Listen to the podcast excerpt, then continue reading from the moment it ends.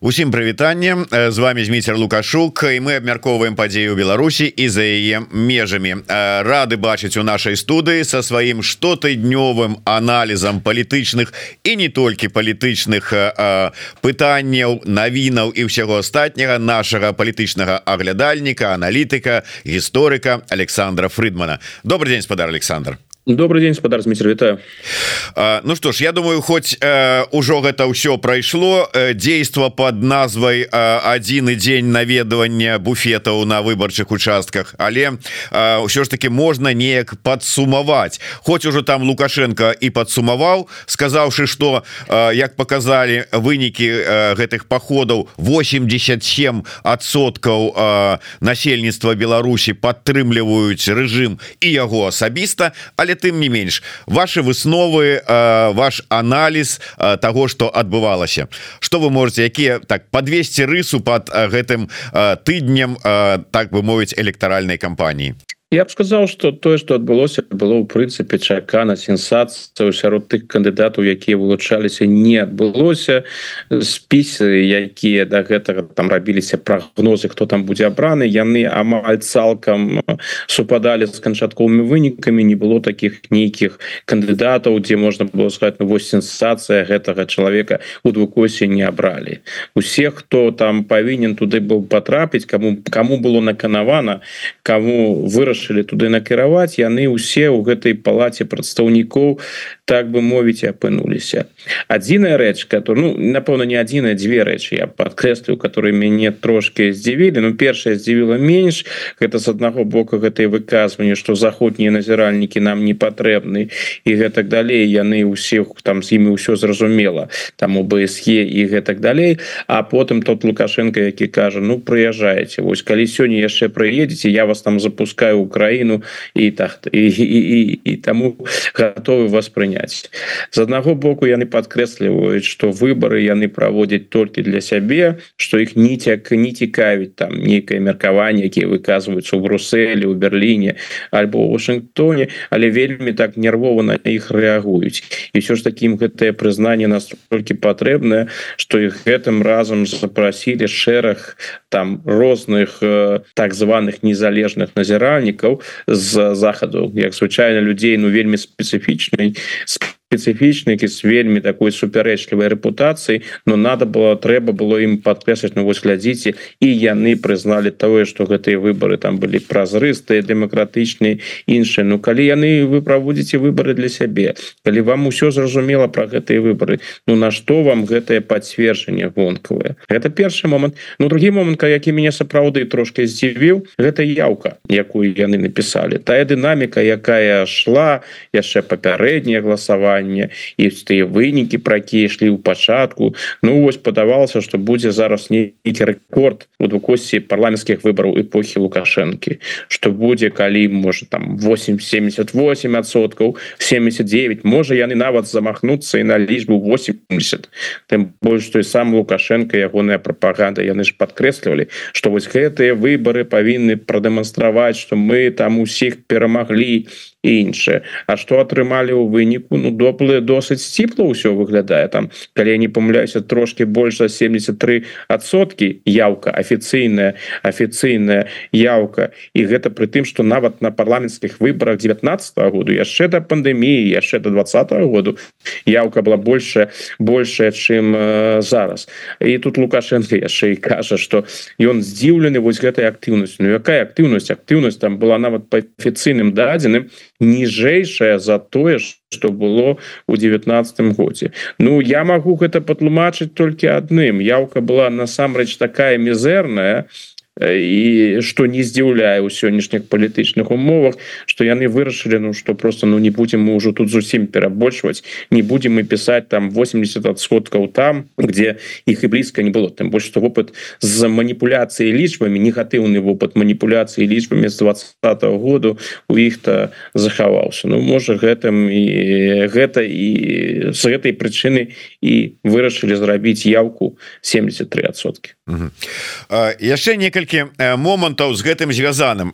Ведаеце я звярнуў увагу что ну гэта ж любимая яшчэ нават адказваючы там на пытанні журналістаў лукашенко узгадаў у чарговы раз там про ЗША прогучала нават такая фраза про тое что там нешта там амерыканскі почерк с англосаксонскім душком вот что-то там такое. Потым карпенко ці як яго там это чалавек які лічыць што ён старшыня цэнтр выбаркама адказваючы на пытанні про магчымы там нейкія там прымус ісці на датэрміновае галасаванне раптам пачаў расказваць про ЗША штосьці тут такое. Ну вот чаго іх несе ў гэта ЗША незразумела. Але потым калі ЗША нейкім чынам ну выказвае сваё стаўленне да таго что якая кампанія адбывалася у Беларусі Беларусі тут глаз міда гэта телеграм-канал такі які з'яўляецца відаць глазам Анатоля глаза прэс-сакратара МЗС беларускага спрабуе жартаваць і так ёрнічаць з нагоды того что ён вось разам с чалавекам які прыкідываецца старшынёй цыка целую ноч шукалі грамадзяніна миллера афіцыйна прадстаўніка дзярждэпа ЗША у спісках выбарцаў каб вызначыць якая з акружных камісій павінна даць адказ на яго скаргу. Потым піша потым правялі паглыбленыя кансультацыі з юрыстамі каб зразумець якое дачыненне дзярждэп ЗША мае да выбараў у нашай краіне гэтак далей. Ну і у гэтай сувязі піша ён з юрыдычнага пункту гледжання мы не бачым ніводнай прычыны чаму мы павінны прыслухоўвацца да заяў дзярждэпа ЗША об адзіным дні галасавання у Рэспубліцы Беларусь. Можна конечно не прыслухоўвацца але як вы ацэньваеце у рэакцыю ўсяго астатняга цывілізаванага света на тое что адбывалася у Беларусі? Вот как-то Анатоль глаз Анатолий Анатольевич как-то вы вот абмежаваліся дзярждэпам чаму па іншых краінах не прайшліся? Ну как бы що ж у вас таленту не хапіла что ли гумарыста? Ну, я б тут сказал вось, вось, вось, вось, толькі рэмарка наконт гэтых каментароў Ну гэта такі прызнак э, правінцыйнасці і комплексаў непаўнавартасці Ну вы подкрэсліваеце что вас не цікавіць что там робяць гэтыя амерыканцы Ну чаму ж вы звяртаецеся да іх пры ўсіх то пытаннях Ну і зараз ну, ну, я тры года бегла за вами каб расказаць что вы мне так абыякавыя да ну. менавіта менавіта Ну вось зрабілі яны заяву.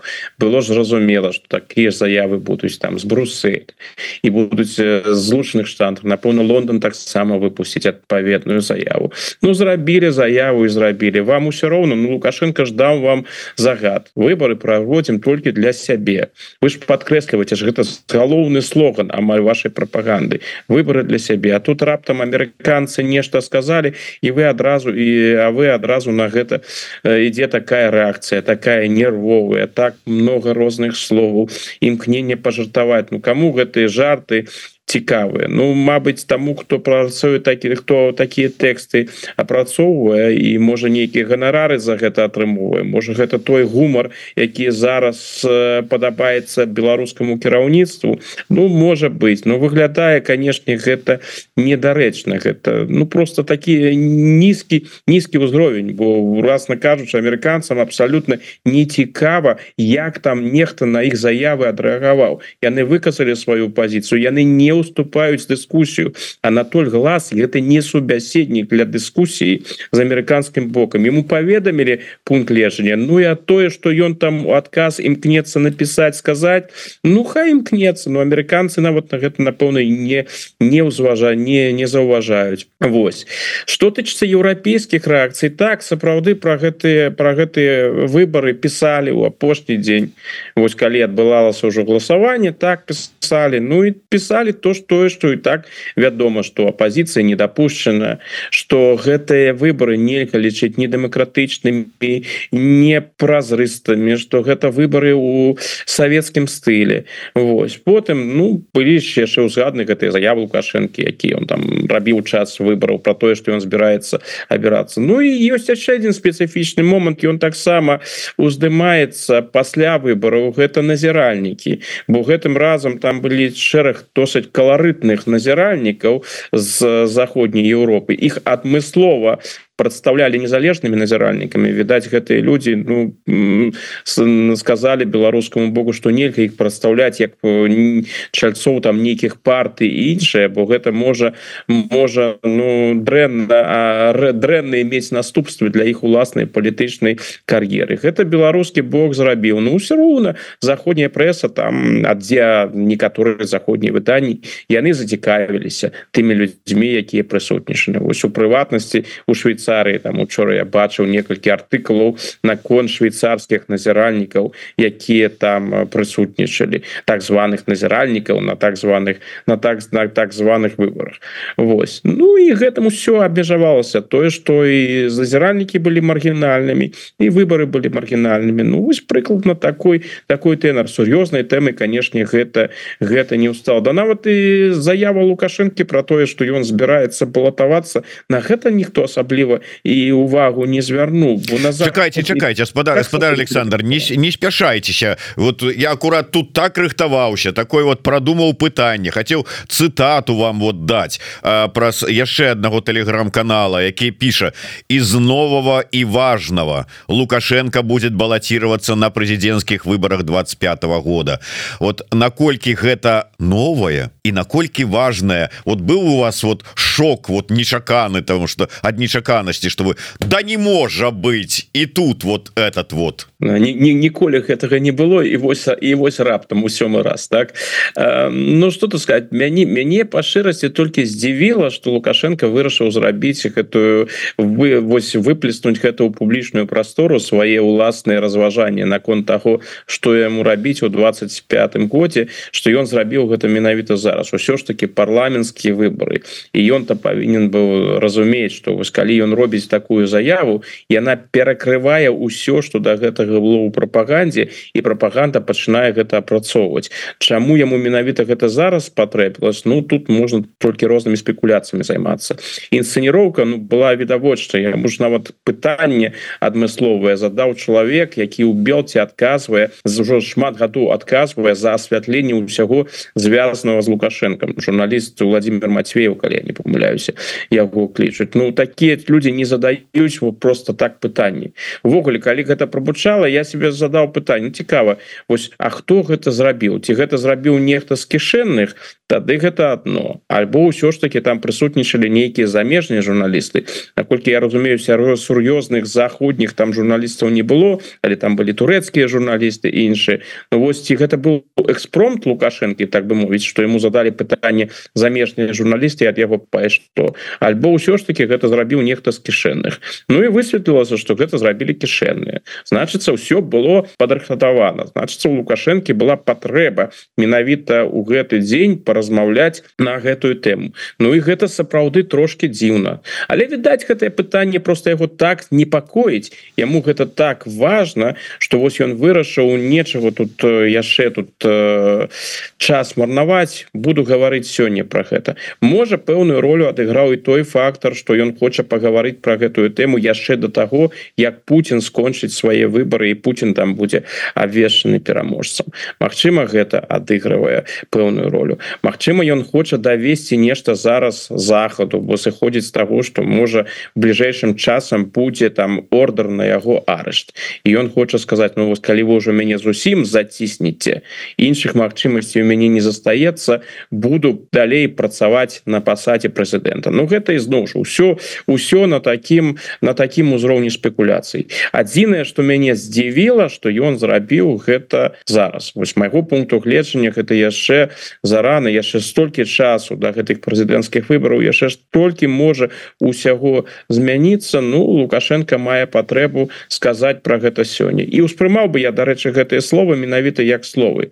Я не упэўнены увогуле не упэўнены что у наступным годзе гэтыя выборы першыя адбудуцца а другое калі яны адбудуцца что там будзе у бюллетні сапраўды прозвішча прозвішча Александра лукашэнкі. Тут год у сённяшнім палітычным жыцці гэта так шмат Так что я думаю что лукашенко патрэбна каб мы сёння размаўлялі про гэтую тэму чтобы гэта зайшло у грамадскую прастору і каб на захадзе яго пачулі. Ну я думаю что на захадзе і без таго сыходзіць менавіта з таго что ён збіраецца пажыццёва заставацца ва ўладзе спадар Александр я попрошу вас все ж таки больш шырака сваю ось гэтую думку раскрыть з нагоды того что выборы могуць не адбыцца. Что гэта означае гэта там скажем просто адменяць як там написала тихохановская у твиттеры команды карануй себе ўжо і перастань баловаться з гэтымі гульнями то есть вот это такое будзе там ці что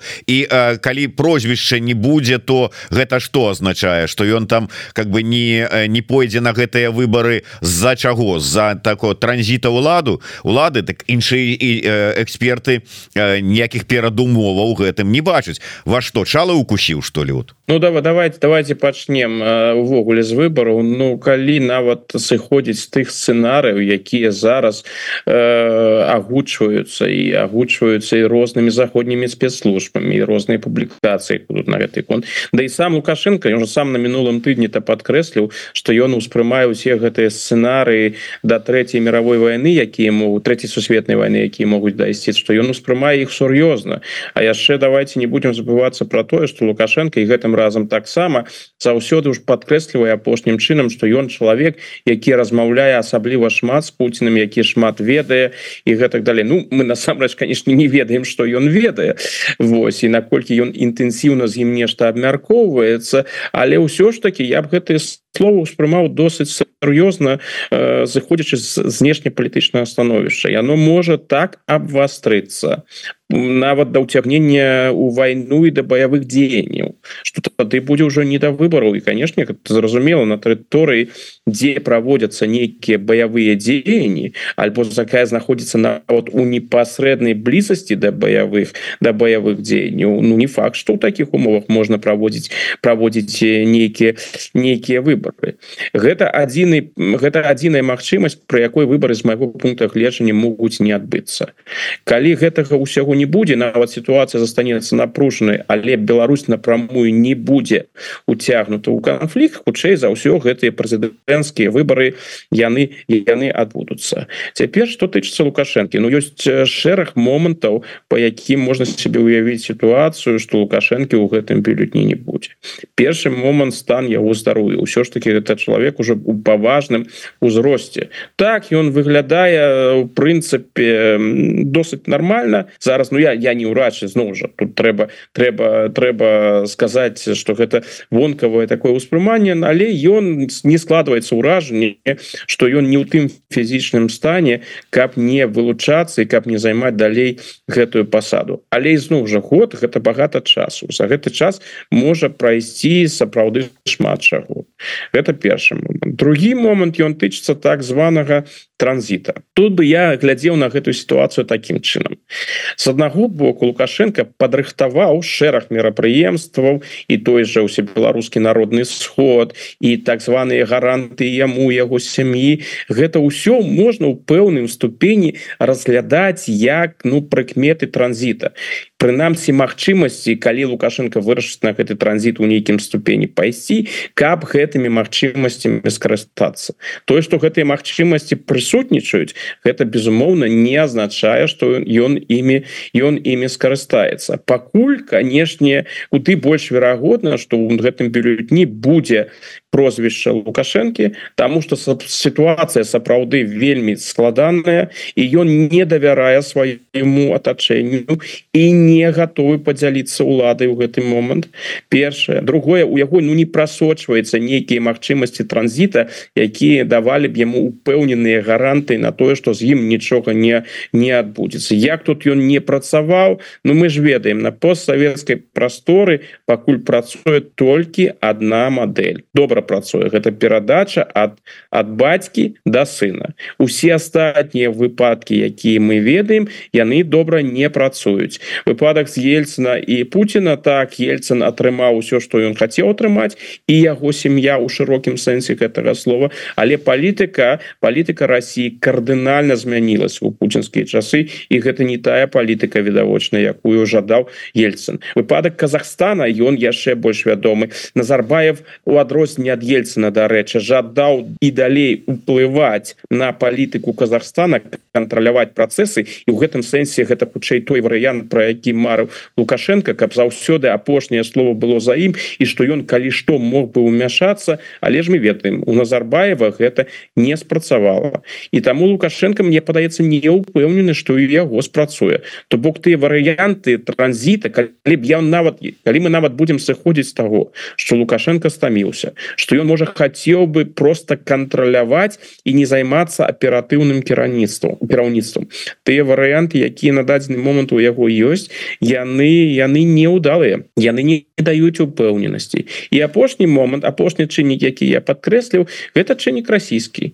Вось у, Беларусі ўжо на працягу пэўнага пэўнай колькасці гадоў з'яўляюцца меркаванні про тое что вось Россия зацікаўлена у тым каб пазбавіцца от лукашэнкі что Россия хоча замяніць лукашенко на кагосьці. Я гэты пункт леджання не падзяляю. Я не бачу ніводнай прычыны по якой Россия хотела б сёння жадала б сёння за замяняць лукашенко ён цалкам Россию задавальняе. І увогуле калі змяніць лукашенко на кагосьці з той же яго номенклатуры нават ну дзе стосоткавыя гаранты что гэты чалавек будзе паводзіць сябе лепш у сэнсе России чым чым лукашенко. Тым больш лукашенко ведаюць да яго прызвычаіліся. Лукашенко закрыты усе магчымасці сысці сысці на захад дамовіцца дамовіцца захадам. А вось Путін як мы бачым ён збіраецца сядзець відавочна да апошняга свайго дня. Ну а чаму не уявіць себе такое что і Путін для сябе вырашыў что я сяджу Ну і лукашенко як чалавек як мой галоўны партнёр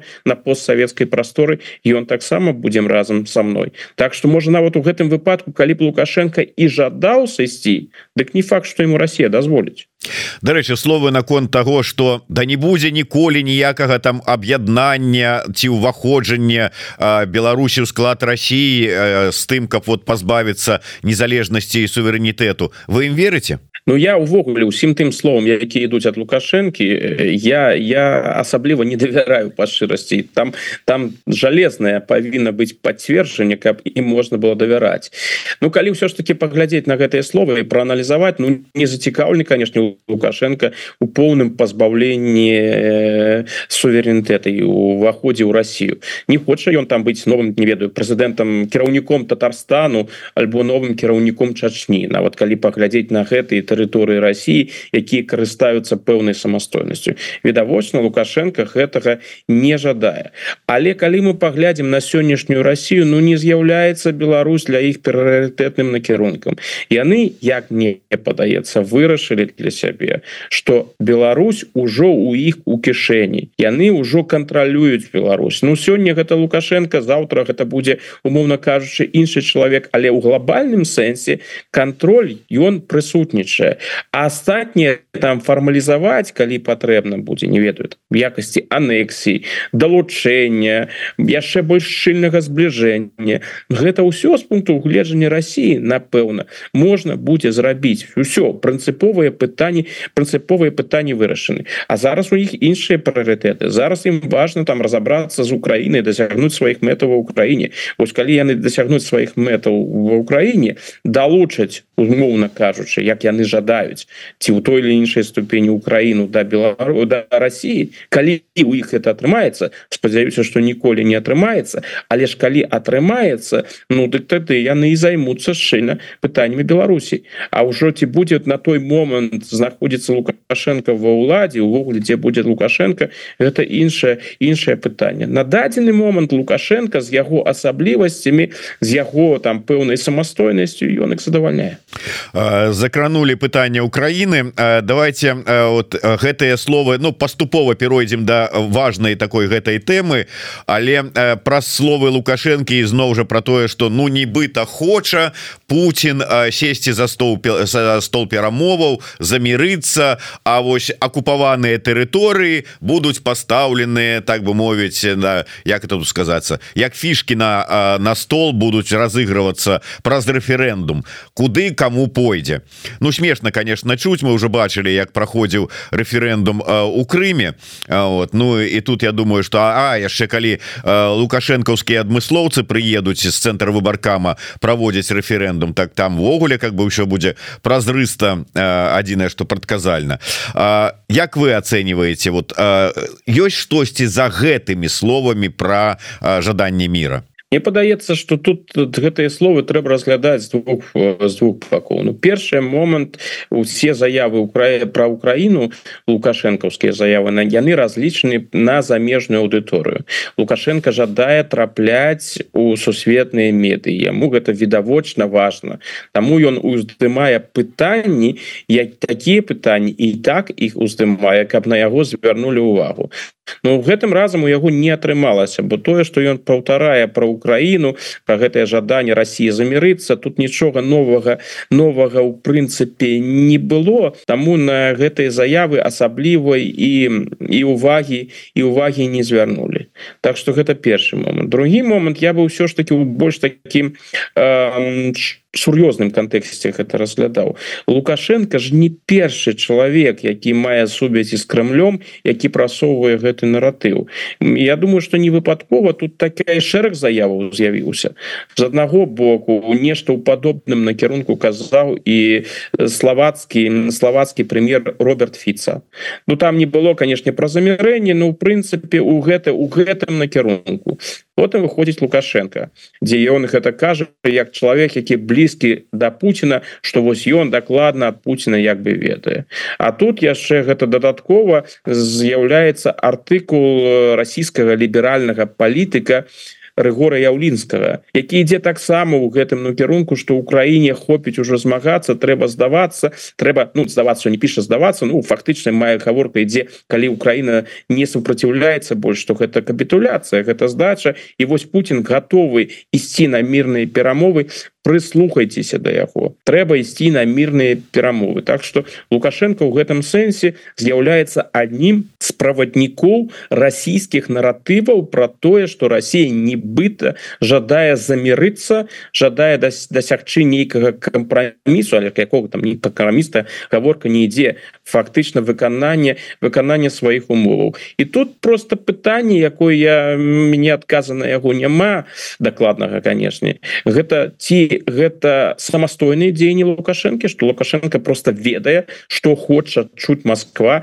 і ведае якія наратывы трэба прасоўваць то бок дзейнічае хутчэй інтуітыўна альбо без загаду Москвы альбо просто ён выконвае пэўную ролю ў расійскім прапагандысцкім спектаклі і что лукашенко гэта одна з тых з тых элементаў якія задзейнічалі. Як кажа вось лука вось лукашенко кажа гэта яўлінскі кажа нешта іншае але ў прыкладна у тым же у тым же накірунку. Калі мы говорим уже про нейкія магчымасці знайсці кампрамісы іншыя ну з рэчаіснасцю гэта нічога агульнага не мае. І дарэчы гэта менавіта тое что лукашенко паўтарае ўжо на працягу значнага часу і мы ж ведаем ніякіх ніякіх вынікаў няма. Колькі разоў лукашенко ўжо казаў Украін украінцы вам трэба прыняць умовы Росіі вам трэба дамовіцца з Росіі а то вас знішчаць то украінская армія будзе знішчана Ну колькі разоў яны ўжо цалкам знішалі расійскую армію так знішалі Россия прабачце украінскую армію канешне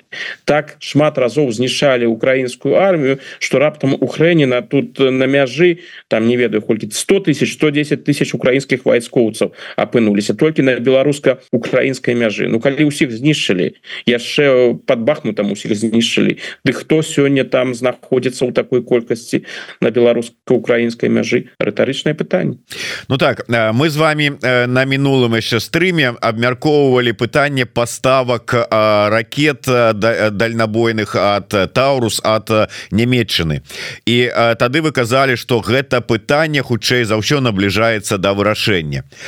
А зараз мы маем заяву шольца. І зноўку пачаліся гэтыя размовы про тое как бы вот не справакаваць Путина? Адкуль гэта чаму у чым прычына Ну па-перша я б не сказал что яно так ужо не набліжаецца да да вырашэнні гэтыя словы шольца.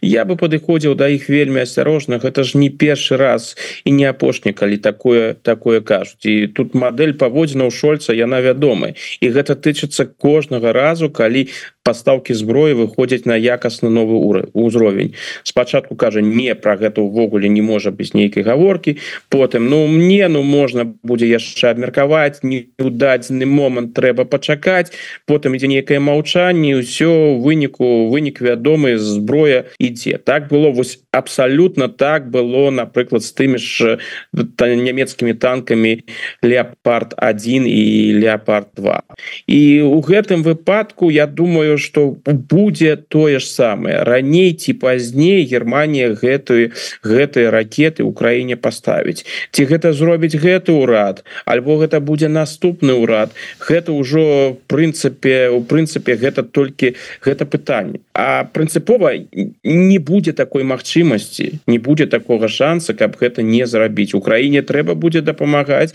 каб Украіна выстаяла. Трэба будзе пастаўляць якасна новую зброю і так ці інакш гэтую гэтыя ракеты трэба будзе паставіць. Альбо сказаць ну все мы пагаджаемся на тое каб Украіна проиграла гэтую войну калі не пагаджаемся ну так прыйдзецца прыйдзецца паставляць а робіць ён такія заявы канешне простой страх пэўны які перад Россией прысутнічае. І тут трэба улічваць что ён не толькі рацыянальны і он таксама і рацыянальны ўсё ж таки Германія у адрозне ад Францыі Великобрытаніі якія гэтыя ракеты пастаўляюць. Дарэчы такой дальнасці не пастаўляюць гэтый таурус раке гэтай ракеты таурус там дальнасць до 500 кіламетраў як як як пишутць эксперты. А тое что пастаўлялі французы і брытанцы будуць і далей прадстаўляць там менш там 250 300 кіламетраў дальнасць калі я не не памыляюся это ўсё ж таки якасна кажучы тут тут ёсць пэўная пэўная пэўная розніца Германію больш слабым становішчу я няма ядерной зброі у адрозненне ад Великобрытаніі і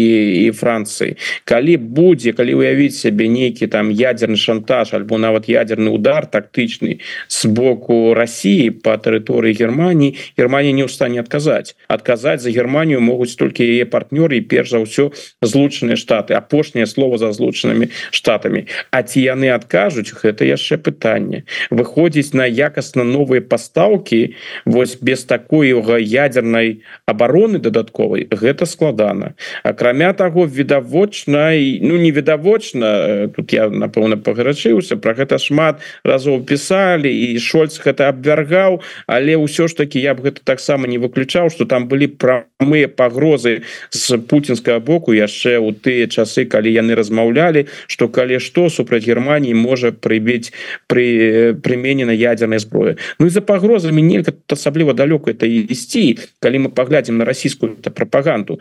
Гэтые разважанні про тое каб ударыць по Берліну і іншае гэта ж давно належыць до да арсенала расійскай прапаганды. І тое что шольц гэта ўсур'ёз разглядае ён мусіць гэта разглядаць як канцлер федэратыўнай Рэспублікі Геррманіі іншая справа что ён напэўна з майго пункта гледжання ён расійскія пагрозы ён пера пераацэньвае. Ён пераацэньвае але я тут могу сказать что я рады что мы з ім на розных на розных пазіцыях і я не мушу прымаць такія такія рашэнні якія якія прымае якія прымае ён Ну і канешне вот так у заканчэнні гэтай нямецкай тэмы тут ёсць і палітычны чыннік у шольца палітычнай будучыні на дадзены момант няма. Тое что ён можа ізноў заняць пасаду Ну я б гэта на дадзены момант выключаў. Усё яшчэ можа канешне змяніцца Ну павінны нейкія абсалютна фантастычныя рэчы адбыцца каб каб шольц працягнуў сваю кар'еру на чале федэральнага канцлера. Яго партыя застаецца яна хутчэй за ўсё яе вынік на наступных выборах будзе дрэнны выглядае пакуль так але ў яе ёсць рэальны шанец по-ранейшаму рэальны шанец паўдзельнічаць у наступным урадзе і вось шольц ён мусіць так і разважаць і ў інтарэсах партыі. Так вось сярод тых хто падтрымлівае гэтую партыю і сярод э, членаў гэтай партыі пастаўка ракета краіне не карыстаецца папулярнасцю. Большасць насельніцтва Геррманіі не жадае каб гэтыя ракеты былі пастаўлены бо людзі баяцца уцягвання Геррманіі у вайну. І што тычыцца большасці актывістаў гэтай партыі ну выглядае так што і яны супраць таго каб гэтая зброя пастаўлялася.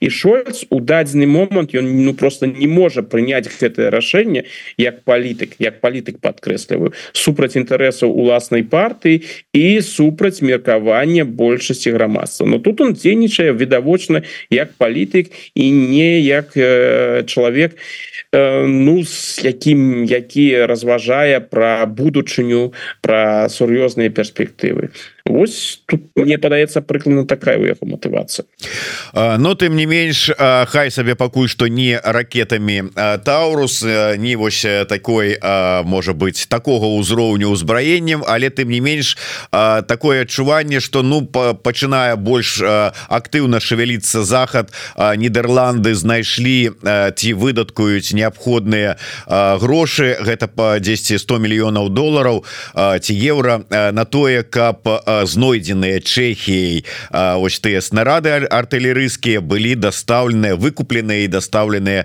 ва ўкраіну увогуле наколькі вот актыўна пачынае захад рэагаваць на выклікі?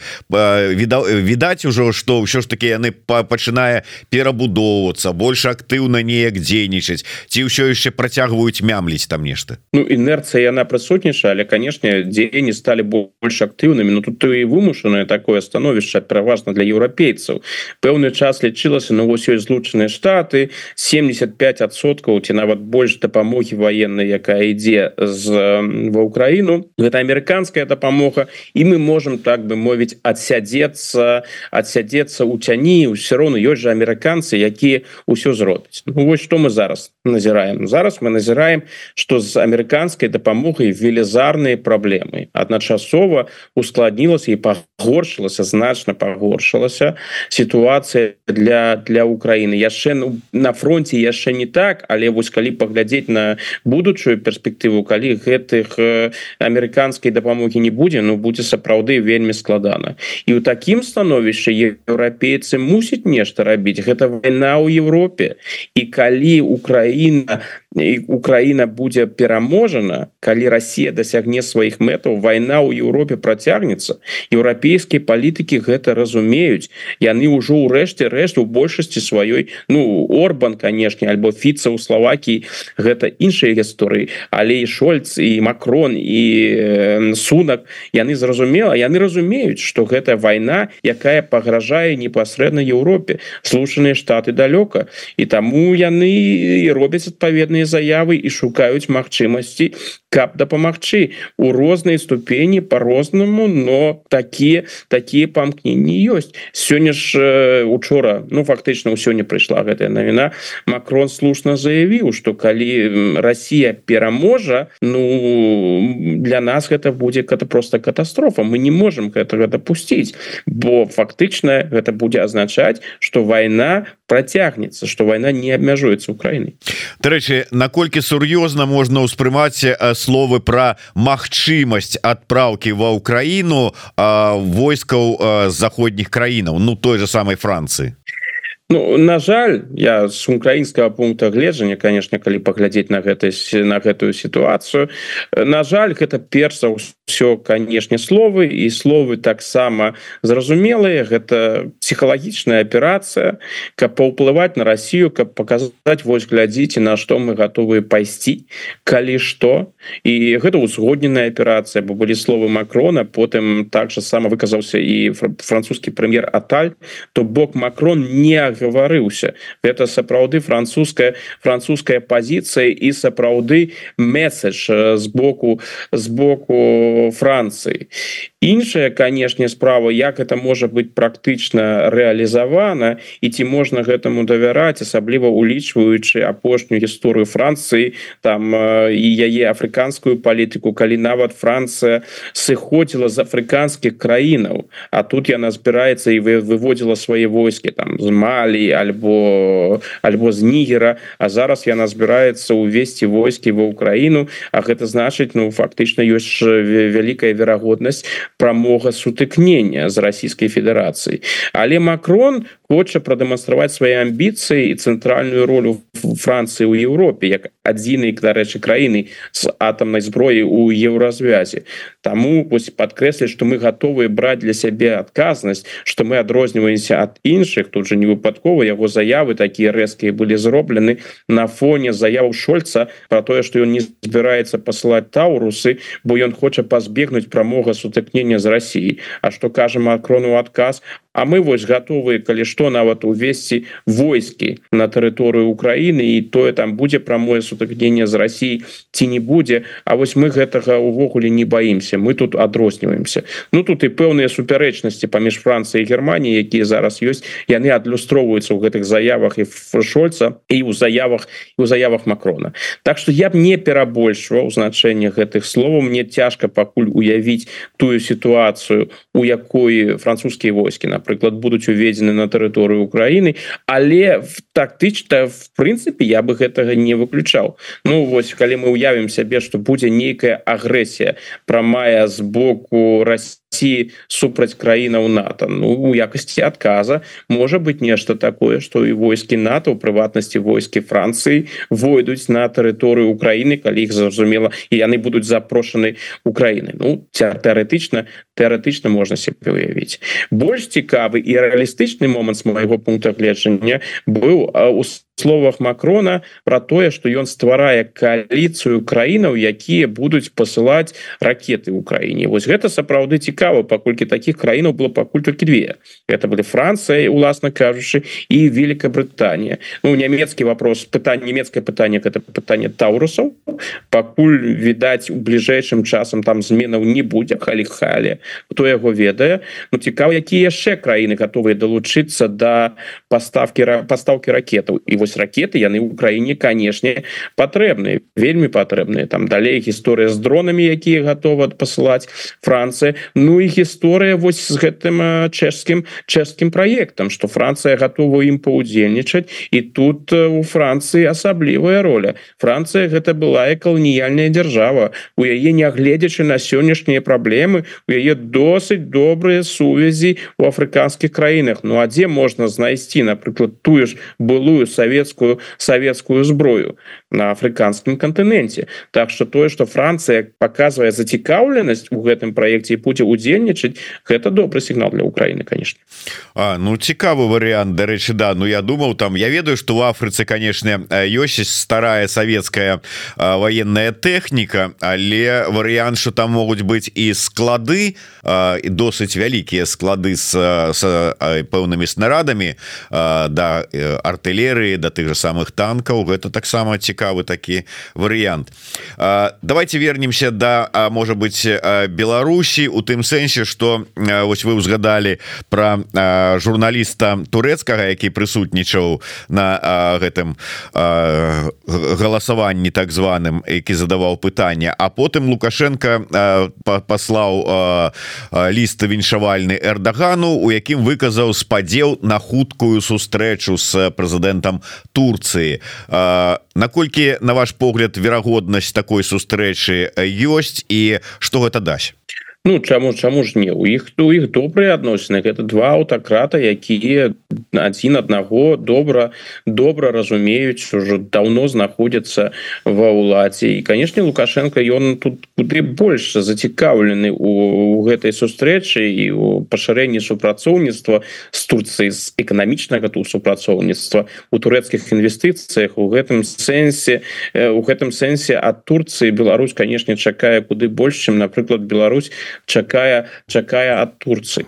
Так што сустрэча можа адбыцца я тут гэтым гэта мяне тут асабліва я б не сказаў бы что здзівіла. Тым больш что Турция яна ж не тая краіна якая ў гэтым сэнсе недзе на нейкую на нейкай аглядку з Росіі дзейнічае. Калі яны палічаць патрэбным вось паспрабаваць нешта ў гэтым накірунку нейкія нейкія праекты і тым больш подкрэсліць сваю самастойнасць і сваю знешнепалітычную вагу Ну дык чаму не? У эрдагана ёсць тая кампетэнцыя і тая тая якасць якую шмат у каго з яго еўрапейскіх партнёраў няма. Ён можа спакойна Э, гуты гаварыць лукашэнкам і гэта не сапсуе яго рэпутацыю.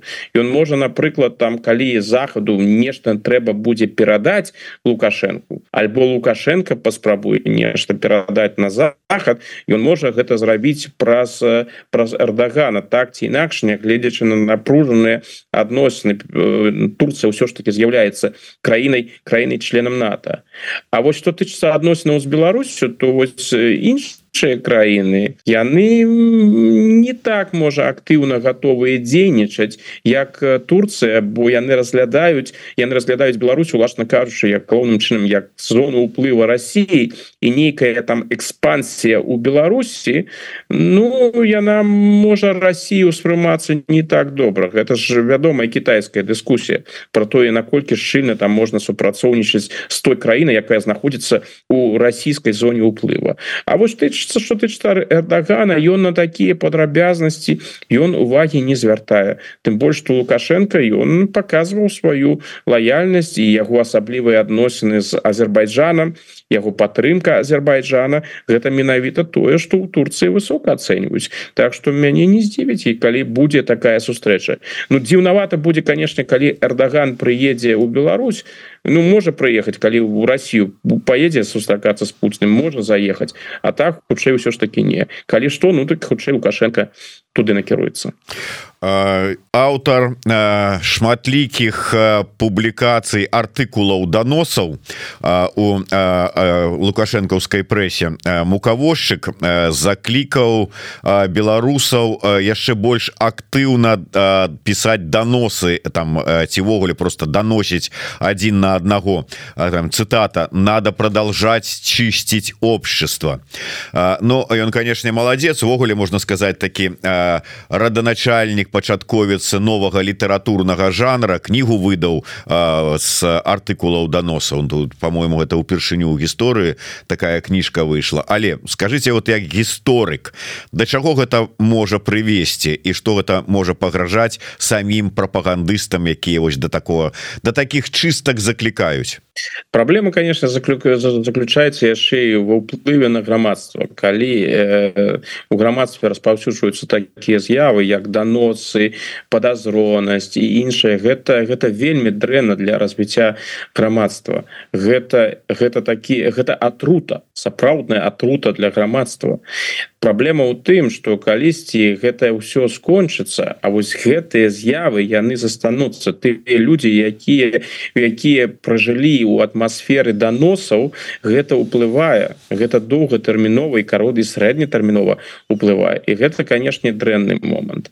Тыя людзі якія актыўна займаюцца даносамі яны глядзяць на сітуацыю ну звычайно ну, ну даволі блізарука у тым сэнсе что калі ты ўжо сам займаешься насительством там альбо заклікаюць до доносу ну так будь падрыхтаваны того что это цябе пачнуць доносіць і зусім не факт что ты доносы супраць цябе якія там з'яўляюцца яны не будуць улічаны і ты у выніку сам не станешь ахвярай доносаў у сённяшняя генерацыя беларускіх прапагандыстаў дзяржаўных яны мне падаецца гэты момант не разумеюць яны настолькі упэўнены что вось стары чаіснасць якая зараз існуе что гэта будзе заўсёды что яны нават не думаюць про тое что можа быть інакш А можа і ведаюць что можа быть інакш но просто не жадаюць про гэта думаць по у будучыні по-за гэтай сістэмай у іх-то нічога добрага няма. Ну что их чакае? Что чакае людзей якія льюць бруд на іншых якія заклікаюць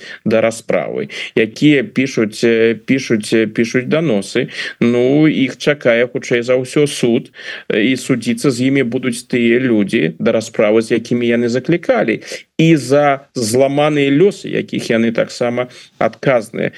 Про гэта яны канешне павінны ведаць. Ну гэта ж непрыемна все такому я такі такія думкі напэўна адкидываюць і просто не жадаюць про гэта думаць. А ідуць і по накатнай так бы мовіць.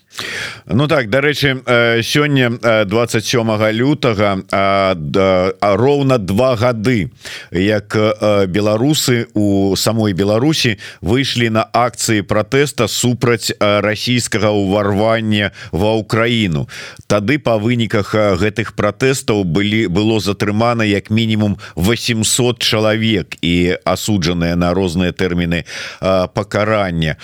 І мы ізноўку вяртаемся до такой вось тэмы то есть прыкметаў того что ну можа быть прыйшло разуменне что трэба ну пачаць сцішваць рэпрэсіі нема і не прадбачыцца Мне падаецца что яны просто не могуць спыніцца что можа рацыянальна той же лукашенко і люди яго атачэння разумеюць что вось гэтыя рэпрэсіі якія ідуць гэтая атмасфера страху яна наносіць шкоду Беларусі беларускай эканомікі у тым сэнсе что такую краіну где такое адбываецца не не ідуць замежныя інвестыцыі что люди з амбіцыямі якія жадаюць э, спокойно жыць і не і не жадаюць лічыцца з тым что сёння у цябе ўсё прынамсі нормально ты лояльны а ўсё роўно до цябе завтра прыйдзе губазік і знайдуць супраць цябе там я не знаю 35 артыкулаў і больш.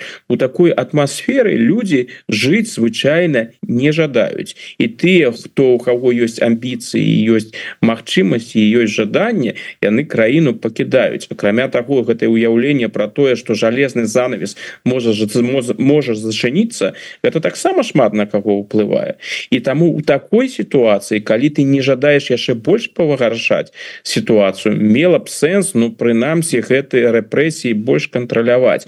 Але у іх ёсць ну як мне падаецца адчуванне что вось калі мы раптам перастанем займацца рэпрэсіямі мы спынемся Ну можа тады і двадцатый год вернется.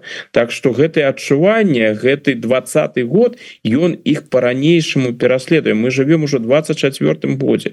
Можна было б сказать вы же у всех перамаглі усяго добіліся вось гэтые выборы свае правялі усіх абралі пратэстаў ніякіх не было. Ну і что Ну чаму вы не можете супакоіцца?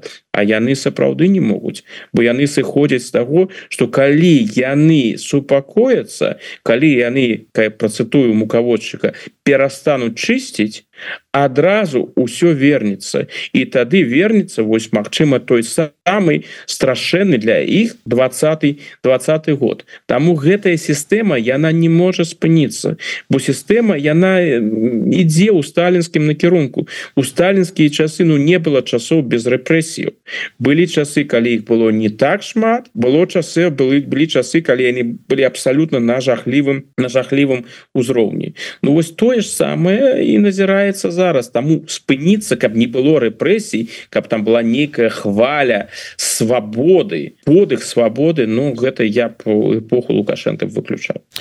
Ну і можа быть яшчэ одно такое тэма блізкая вам у тым ліку тому что вы сочыце за ёй важліва гэта тое что адбываецца у Ізраілі у газе. І заява байдена про тое что у наступны панядзелак усё маўляў там ужо сцішыцца і устаканіцца что маецца на увазе можа быть вы там маеце нейкія інсайды что адбываецца і чаго чакаць?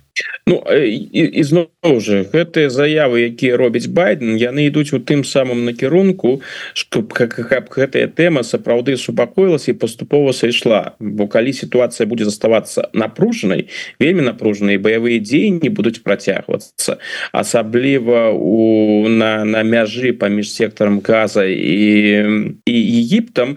Ну гэта тэма яна вельмі дрэнная для байдена. Ён на гэтай тэме ён можа толькі страціць папулярнасць. Па-перша ён зацікаўлены у галасах амерыканскіх мусульман. І калі ён будзе падтрымліваць Ізраиль у гэтым становішчы ён гэтыя галасы не атрымае. Трампу у прынцыпе ўсё роўна. Ён гэтыя галасы не атрымае ўсё роўна. І гэтыя людзі яны звычайна за трампа с свае галасы не аддаюць Таму і амерыканская дыпламаты імкнецца прасоўваць ідзе ідэю прыміры не ідэю прымірэння ідэю ну паузы ў баявых дзеяннях нейкіх перамоваў і іншыя амерыканцам патрэбны тут тут поспехи. Ну я до таких заяваў ставлюся досыць досыць скептычна тому что яны робяцца уже не першы раз і не ў апошні ізраильскі бок по-ранейшаму дэманструе рашучасць працягваць гэтую военную аперацыю до канчатковага разгрома хамасу. Ну так что хутчэй за ўсё нічога такого эпахальнага тут не адбудзецца Мачыма что сапраўды будуць будзе нейкая пауза і хамас пагадзіцца на тое каб по Uh.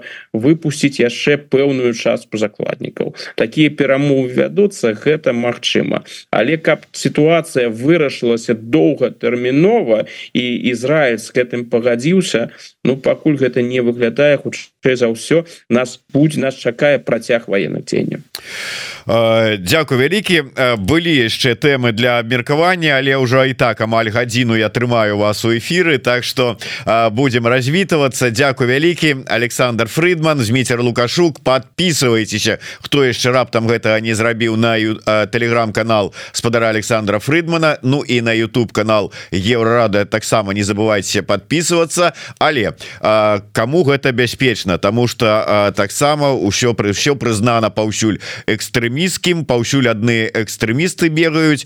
Бачыце вот мукавошчык що ж таки правы чысціць і чысціць надо. Бо оказывается 87 процентов можа і ёсць але наадварот не так як яны там для сябе лічаць калі яны ўсё это як вы правильно кажаце ніяк не могуць спыніцца і ўсё ім страхі і ўсё ім бачыцца что грамадства не готовое перад перагарнуць старонку і змірыцца. Таму подписывайтеся лайкайте расшэрваеце пакідайте свае каментары але не забывайтеся про бяспеку. Дякую вялікі до сустрэчы. Жыве Беларусь. Жыве